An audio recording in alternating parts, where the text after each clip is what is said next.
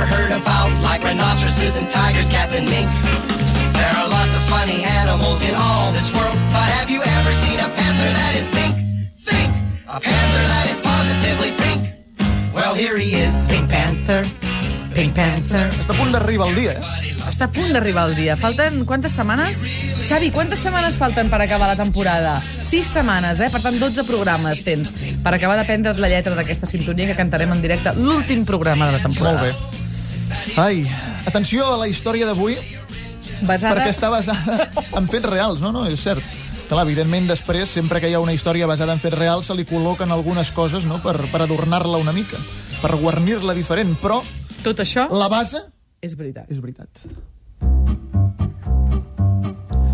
El dilluns vaig quedar per dinar amb un amic de finals de l'adolescència barra inicis de la joventut i quan anàvem pel segon plat em va recordar una història de la meva vida que havia oblidat temporalment. Em va agradar molt tornar-la a rememorar i en aquell mateix instant vaig decidir que avui la compartiria amb vosaltres reconvertint-la en una llista tonta. Aquesta que sentireu a continuació és la història verídica de l'única cita cegues que he tingut en els meus 34 anys d'existència. La llista tonta d'aquest matí es titula Cita a cegues! Primera fase, any 1994. L'inici d'una història inoblidable. Les tardes dels 17 als 20 anys me les vaig passar punxant discos en una emissora municipal del barri del Carmel de Barcelona. Tres hores cada tarda i vaig fallar poquíssimes vegades. Era un tio complidor. Aquella experiència em va servir per comprovar que la ràdio m'encantava i que fer de locutor musical se'm donava fatal. Vaig patir naufragis llegendaris per culpa de la meva ineptitud, però mai van transcendir, perquè allò ho escoltaven tres persones a tot estirar. Era com fer ràdio al rebedor de casa pels meus pares i la meva germana.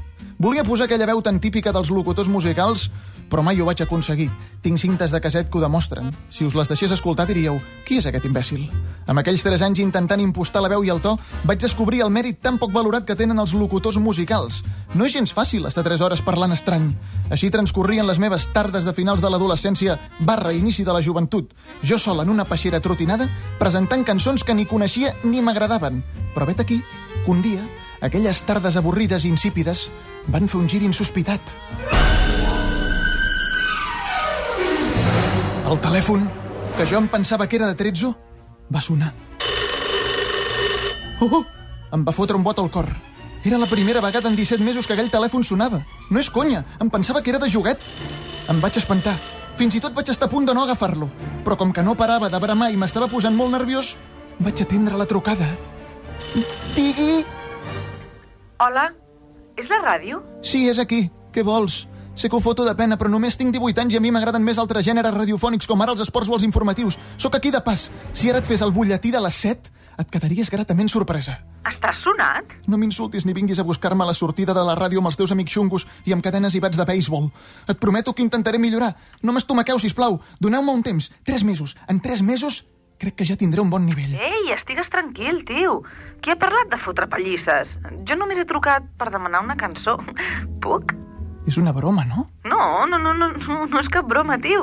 T'estic escoltant des de casa i em ve de gust escoltar una cançó. Me la pots posar o no?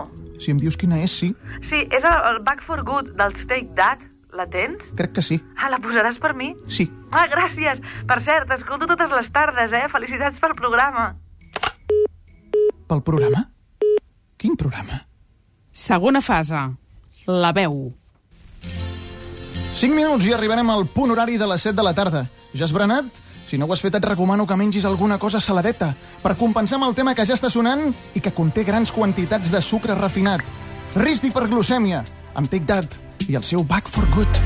I guess time. La veu, la importància de la veu. Sents algú que no has vist mai i el teu cervell ja crea una imatge, probablement irreal, d'aquella persona. La veu de la meva única oient em va fer estremir i em va fer imaginar una dona preciosa i sensual. Durant les hores posteriors a la trucada, dins del meu cap només hi va haver dos continguts. La imatge femenina esculpida per la meva imaginació i la seva veu i una obsessió. Que demà torni a trucar, si plau.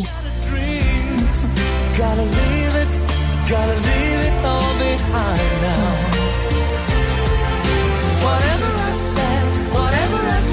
Didn't mean it. I just want you back for good. Catxupac! Catxupac! Us ho juro, tios, el telèfon ha sonat i era una tia amb una veu Està boníssima. M'ha demanat un tema de Take That i m'ha felicitat pel programa, xavals. Vols dir que no t'estàs precipitant, David? Per què? Aquesta tia no l'has vist mai. Només has escoltat la seva veu. No pots saber si està boníssima. Les veus enganyen molt, David. Que no te'n recordes del que va passar amb la Tiffany? Era un dia de primavera. Vaig anar al Condis i a la secció de pastisseria industrial vaig veure la dona més guapa que he vist mai. Us asseguro que podria haver estat portada del Playboy. Estava comprovant quin bollicau era el més tou. Tant em va agradar que vaig decidir parlar amb ella. Hola, som ànimes bessones. A mi també m'agrada quedar-me sempre amb el bollicau més tovet. Em dic David. I tu? Tiffany. Com? Tiffany, em dic Tiffany. No, no, si això ja ho he entès. El que no he entès és una altra cosa.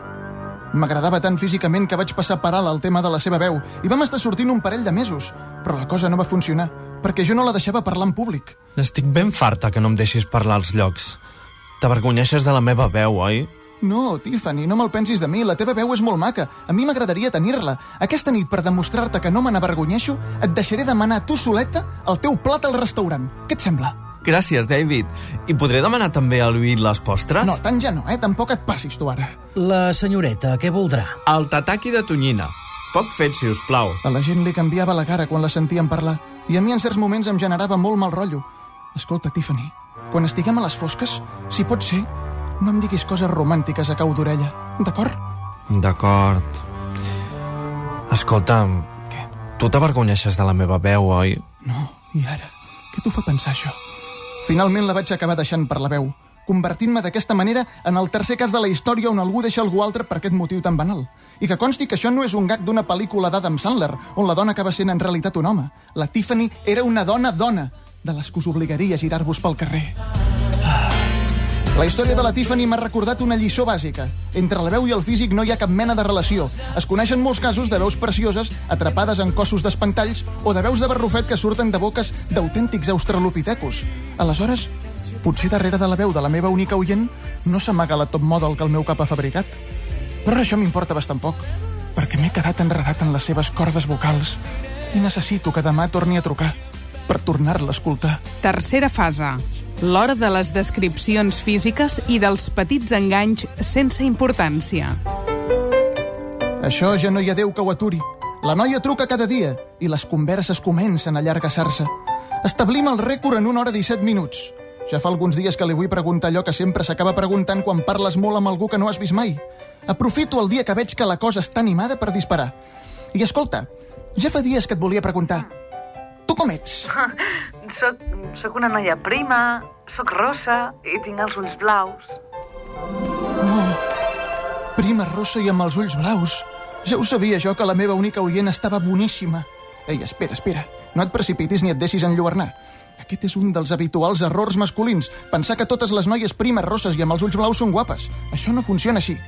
I quines aficions tens? M'agrada molt anar a mirar ovnis a la muntanya, o ta- també les, les curses de gossos, les baralles il·legals de galls. Ah, també m'agrada molt i practico les baralles en el fang. Soc l'actual campiona del barri.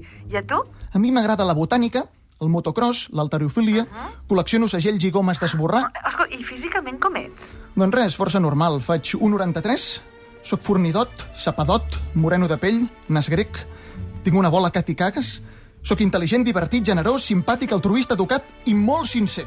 No sé, un tio del montón. Ostres, em sembles l'home perfecte.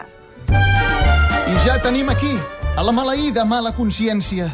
Et sembla maco enredar així aquesta pobra noia? Parles amb mi? Clar, estem tu i jo sols en aquest locutori estimat. Ah, és que no m'he sentit al·ludit amb el teu comentari. Es pot saber quina mentida li he dit a aquesta pobra noia que dius tu? La descripció física i psíquica que has fet de tu mateix és una antítesi del que ets realment. No hi estic gens d'acord. Jo em veig tal com li he explicat. I la meva iaia també em veu d'aquesta manera, que ho sàpigues. Potser he inflat una mica el tema de l'alçada. Però què són 20 centímetres? No són res. Ja ho deia la trinca. No ve d'un pam. Quarta fase. Totes són ella. Et trobes en el moment àlgid de l'obsessió. El moment on et penses que totes les dones primes rosses i amb els ulls blaus que es creuen en el teu camí són ella. Em faig un far de veure clons de la meva única oient al metro, als ascensors, a les curses de motocross, als campionats d'alterofília. I tinc fantasies de les fortes. Sovint somio que reuneixo totes les dones primes rosses i amb els ulls blaus de Barcelona en un solar que queda just al costat de casa i jugo a endevinar quina d'elles és la meva única oient. Segurament el que realment em posa de tota aquesta situació és no saber com és. El dia que la vegi tot perdrà la seva gràcia i malgrat saber que això passarà, estic a punt de proposar-li una cita. Cinquena fase. T'agradaria que ens veiéssim? Es diu així, com qui no vol la cosa. Tot i que portes un grapat de dies meditant-ho i assajant-ho davant del mirall. De fet, la proposta arriba amb 15 dies de retard sobre l'horari previst. Però és que em fa cosa. I si no t'agrado? Espera un moment, que se m'acaba la cançó. Un segon que poso el següent tema. 27 minuts passen de les 6 de la tarda d'aquest dimarts plujós i rúfol. Com sempre, aquí tens el millor sucre, a pelades. Wet, wet, wet. Love is all around. Feel it in my finger. I feel it in Doncs què me'n dius? Ai, no ho sé. Que em fa com por no agradar-te. M'agradaràs molt. I si no t'agrado jo a tu? Què va? Tu a mi m'agradaràs moltíssim. Doncs si tots dos ens agradarem tant, què fotem que no quedem ara mateix? Va, uh -huh. què, dijous a dos quarts de vuit de la tarda a la plaça Eivissa? Fet.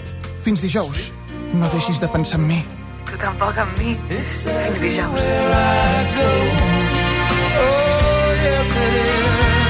Ara, estimats oients, us demano un exercici d'imaginació molt important. Hem de fer com a les pel·lícules. Mentre sona la cançó dels Wet, Wet, Wet, us heu d'imaginar imatges en moviment d'ella en el seu dia a dia, anant al mercat, a treballar, a comprar-se un vestit i alternar-les amb imatges meves fent el mateix, perdut en la immensitat de la gran ciutat.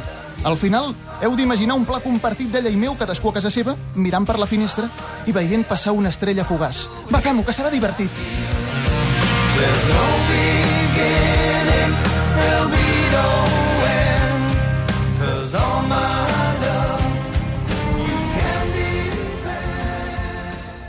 Sisena fase. La cita.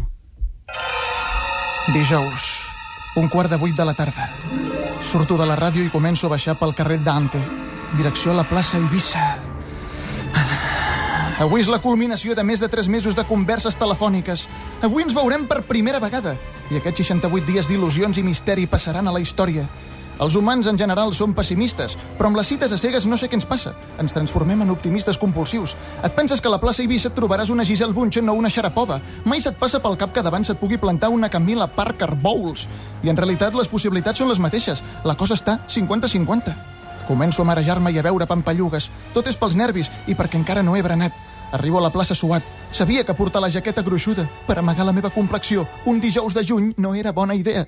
De lluny veig un fregall de color groc que destaca per sobre de totes les altres tofes. M'aproximo, amagant-me darrere dels arbres per veure-la millor. Sí, ha de ser ella. Prima rossa amb els ulls blaus. Cert, no em va mentir. Però no és de les que jo em pensava. Mm, No m'agrada. Què faig? Opció A. Passes de llarg fent veure que no ets tu, entres al metro, escapes com una rata i tal dia farà un any. Opció B. La saludes i vas a prendre un cafè amb ella. Les cites cegues l'has organitzat tu, per tant, ara te la menges. Opció C. Et quedes amagat darrere el plataner fins que la noia s'encansi i marxi cap a casa. Em quedo amb l'opció B. Sóc un tio educat, amb valors i principis. A més, qui sap? Potser m'estic precipitant i ella no és ella. Hola, ets tu? Sí, sóc jo. I... I tu? Ets tu? Sí, jo, sóc jo.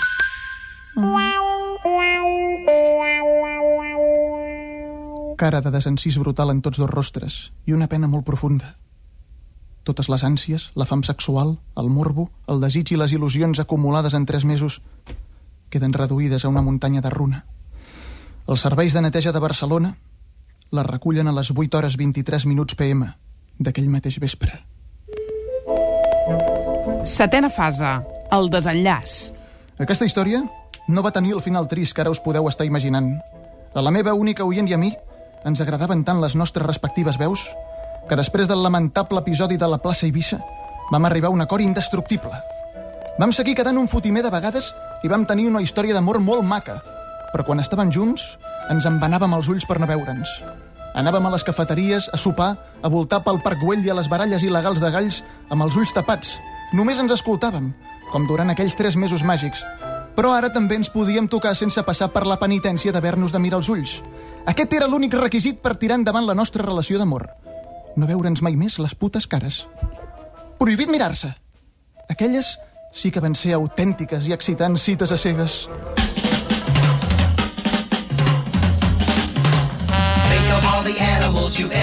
Qui no ha tingut una cita a cegues, David? Algun Doncs sí, dia de la doncs seva sí, doncs sí, vida. doncs sí. Passa que tu tens una cosa a favor, eh, tot això. Quina? Que tens una veu preciosa i a més a més No. estàs bo. Sí, home, sí, què més? Res més. El desencís va ser, va ser autènticament brutal. Però després vau tenir Mai, mai, havia patit, mai havia patit un desencís tan, tan gran com el d'aquell dia. Això passa, però ho has superat. Ho he superat, i tant. Home, si t'estic parlant de fot... Jo ara tinc 34 anys, no els aparento, però els tinc. T'estic parlant d'una història que va succeir quan en tenia 18. Quants anys aparentes, tu? Jo crec que podria dir perfectament que en tinc 20 i s'ho podrien creure. No, no, ei, ho dic No, sincerament. no, Xavi Rossinyol ha dit 18.